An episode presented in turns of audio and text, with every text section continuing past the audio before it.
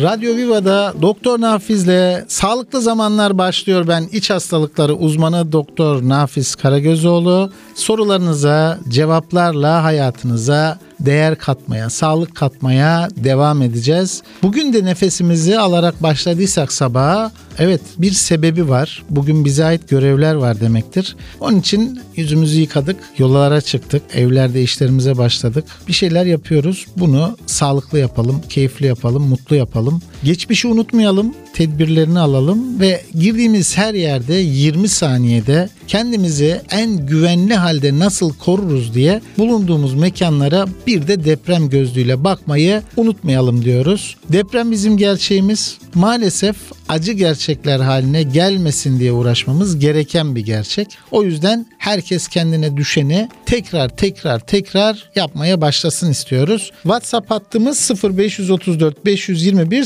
0906. Buradan sorularınızı bize iletebilirsiniz. Gelen sorularımız var. Onlarla başlayacağız ve e, Ramazan sorusu var. Şimdi başlayalım o zaman.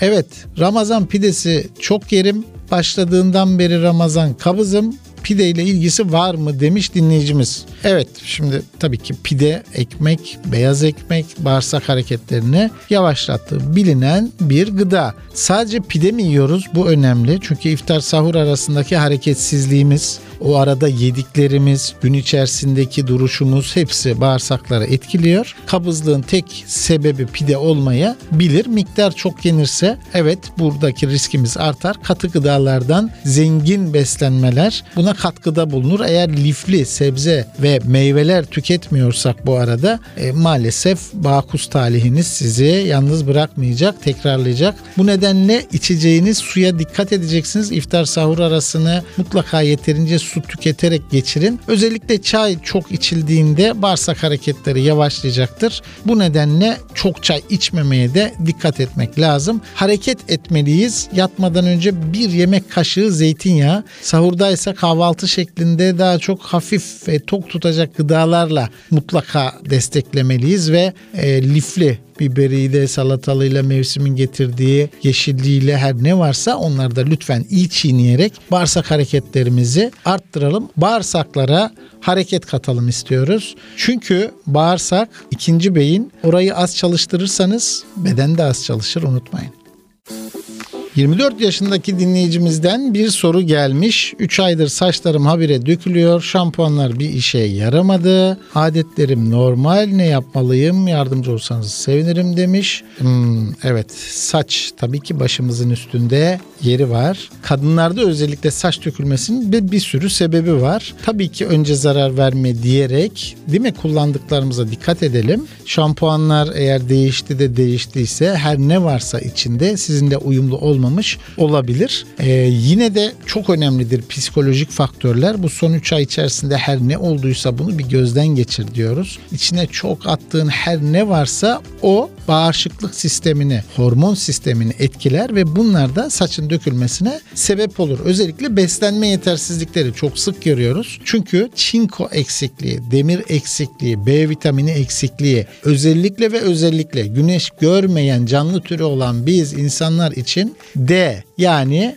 Denizli'nin D'si o B ile çok karışıyor. D vitamini eksikliklerinde de özellikle saçlarımız olumsuz etkilenir. Hormon düzensizliklerinde mutlaka bir tiroid değerlendirmesi şarttır. Ee, bununla beraber ailesel süreçler, annedeki durumlar, kız kardeş varsa bunlara ait süreçler de saçları tabii ki olumsuz etkiler. Düzenli kullandığınız herhangi bir destekleyici ürün varsa ki bunların içerisindeki yan maddelere cevap olarak bunlar e, özellikle saçlarımız dökülebilir. Bunları bir gözden geçirmek lazım. Bu uzun sürüyorsa ki günlük ortalama 100 tel diye tarif ederiz. Bu uzun sürüyor ise mutlaka bir doktor takibine girmelisiniz. Bir iç hastalıkları uzmanı ve gereğinde dermatoloji. Yalnız yapacağımız en önemli şeylerden bir tanesi de mutlaka biyotin anlamında doktorunuz tavsiye ediyorsa vitamin olarak kullanmalısınız.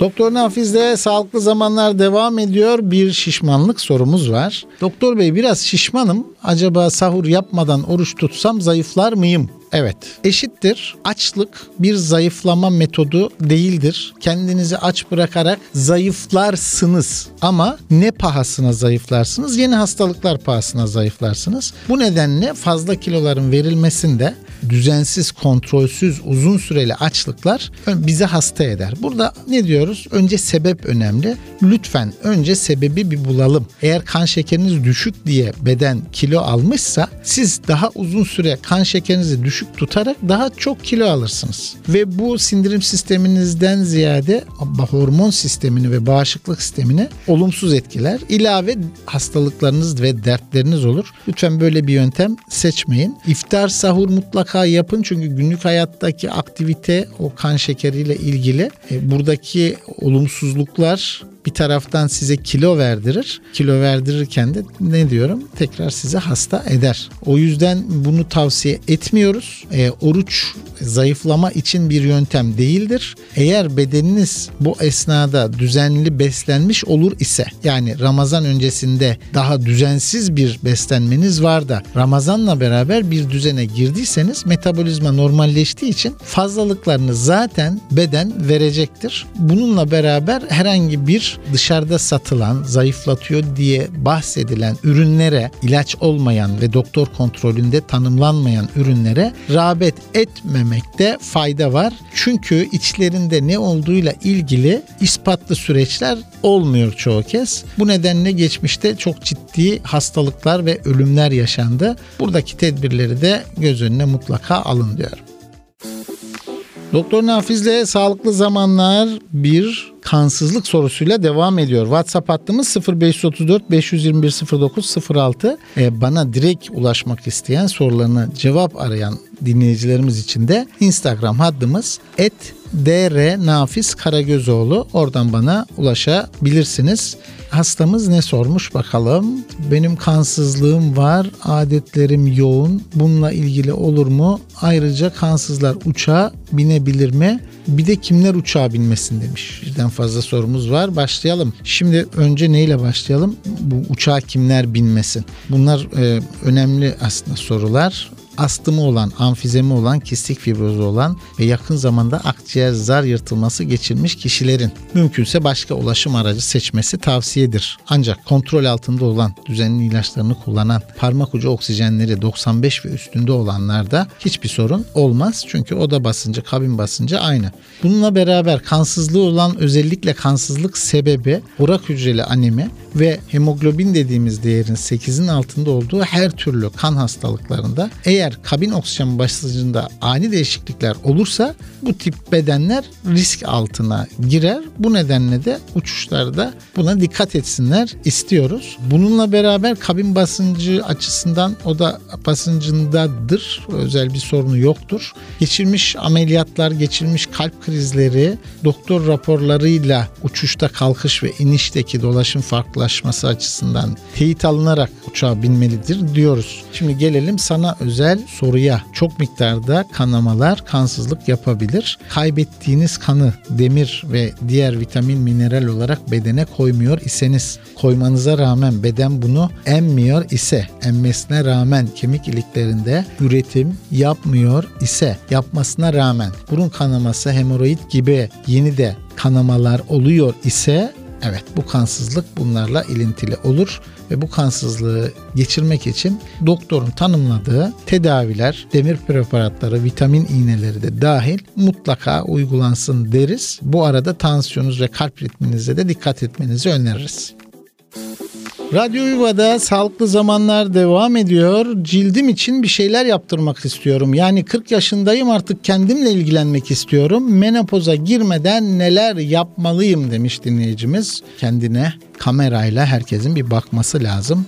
Cilt de değil mi unuttuğumuz en önemli organımız. Cilt bir organ. Biz organ deyince böyle işte e, hacimli, kitleli filan şeyler içimizde işte kalp, damar, efendime söyleyeyim böbrek, karaciğer filan. Organ diyoruz. Cilde organ deyince şaşırıyoruz. En büyük organımız cildimiz. En çok hasar gören cildimiz bizim bir taraftan paketimiz aslında bir taraftan kale duvarlarımız e, cildimiz en önemli giysimiz aynı zamanda. Tabii ki çok kıymetli. Başta yüz cildi olmak üzere özellikle sosyal alanda en fazla değil mi? Açıkta kaldığı için fizik şartlardan zarar gören organımız. Sıcaklar soğuklar tozlar rüzgarlar her şey her şey önce cilde özellikle de yüz cildine ve ellerimize mutlaka aşınmalar katıyor. Bu nedenle bakımı kıymetli. Diyoruz ki önce lütfen kendinize zarar vermeyin. Bu nasıl oluyor? Özellikle yoğun kozmetik uygulamalardan sakının diyoruz. Cilt ile uyumlu sabunlar ve şampuanlar bakımlarında temizlik anlamında söylüyorum. E, seçilmeli. Burada çok önemli bu. Cildin kendisinin kalitesinin sağlanmasına dikkat edilmeli. Bu da özellikle D vitamini, B vitamini, E vitamini, A vitamini gibi vitaminlerin yediğimiz içtiğimizle özellikle alınmasına dikkat etmeliyiz. Mineraller burada kandaki tuzlar özellikle magnezyum, çinko, sodyum ve potasyum cildimiz için de çok kıymetli. Bunlar da aslında tekrar dönüyoruz. Doğru ve çeşitli beslenme ile ilgili ve yine bir beslenme materyali kollagenler, hyaluronik asitler, kondroitin sülfatlar Değil mi? Bak nasıl tıpça mı konuştum?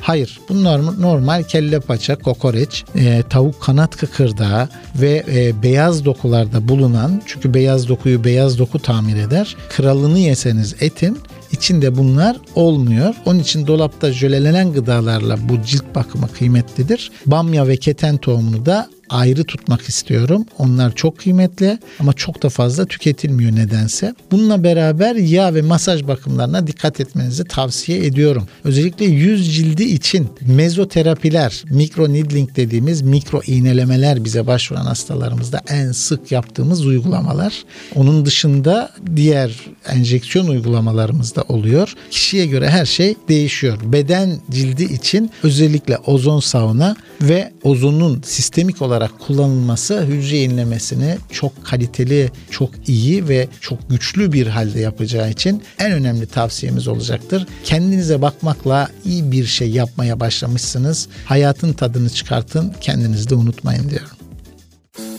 Doktor Nafiz'le Sağlıklı Zamanlar Radyo Yuva'da devam ediyor. 34 yaşındaki dinleyicimiz halsizlik, bitkinlik, şişmem oldu. Üstüne bir de şişmanladım. 2 ay sonra doktora gittim. Tiroidin az çalışıyor dedi. Tiroid bezin iltihaplı dedi. Hap verdi.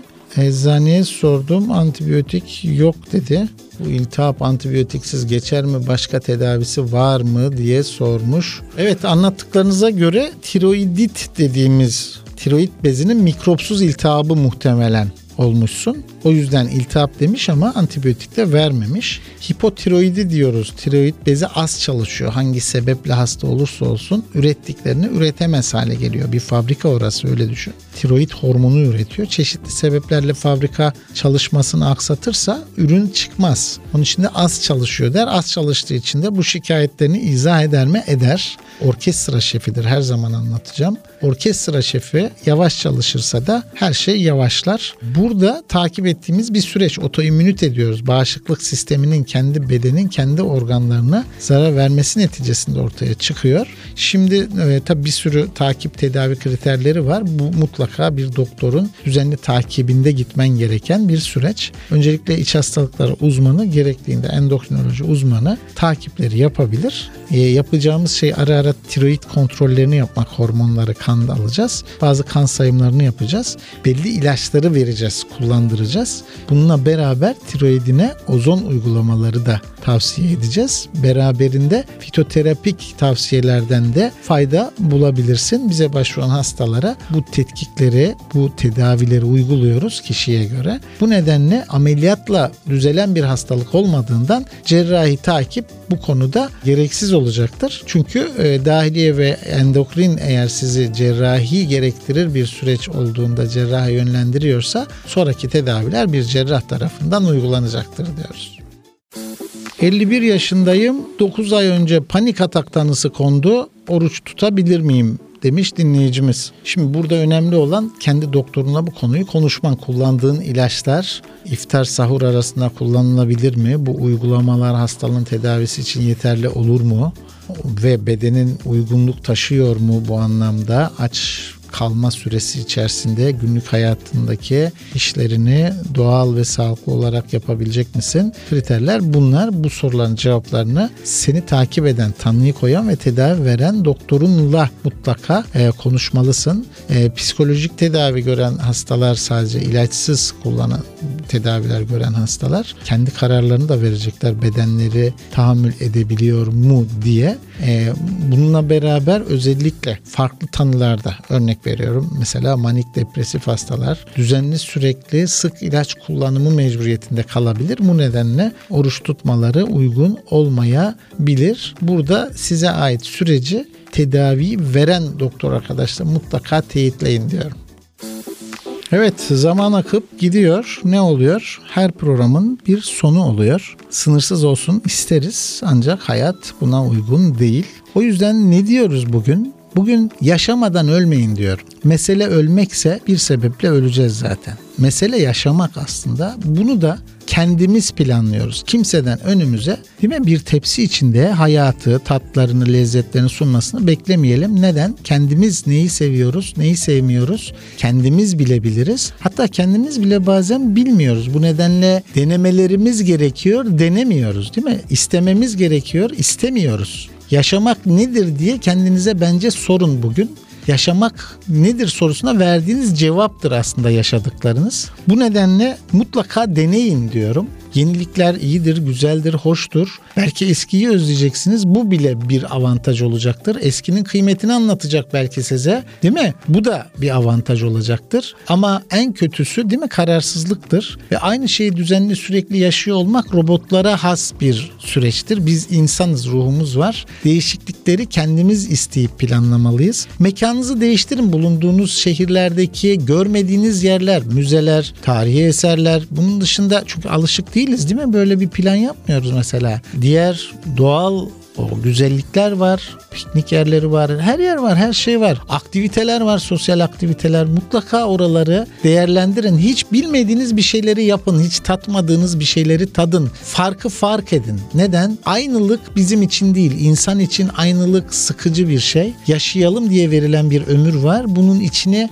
doldurmak bizim yeteneğimiz, isteğimiz, bilgimiz, gayretimizle. Yani sizi başka biri siz yapmayacak. Kendiniz kendinizi araştıracaksınız, geliştireceksiniz, keşfedeceksiniz. Bedeninizi de keşfedeceksiniz, ruhunuzu da keşfedeceksiniz ve içinde bulunduğunuz sosyal şartları, çevreyi ve dünyayı da keşfedeceksiniz. Her an yaşanmaya değer, yaşanabilen her anda ona değer katmaya değer. Lütfen kendinize iyi bakın. Bir dahaki programa kadar sağlıklı kalın.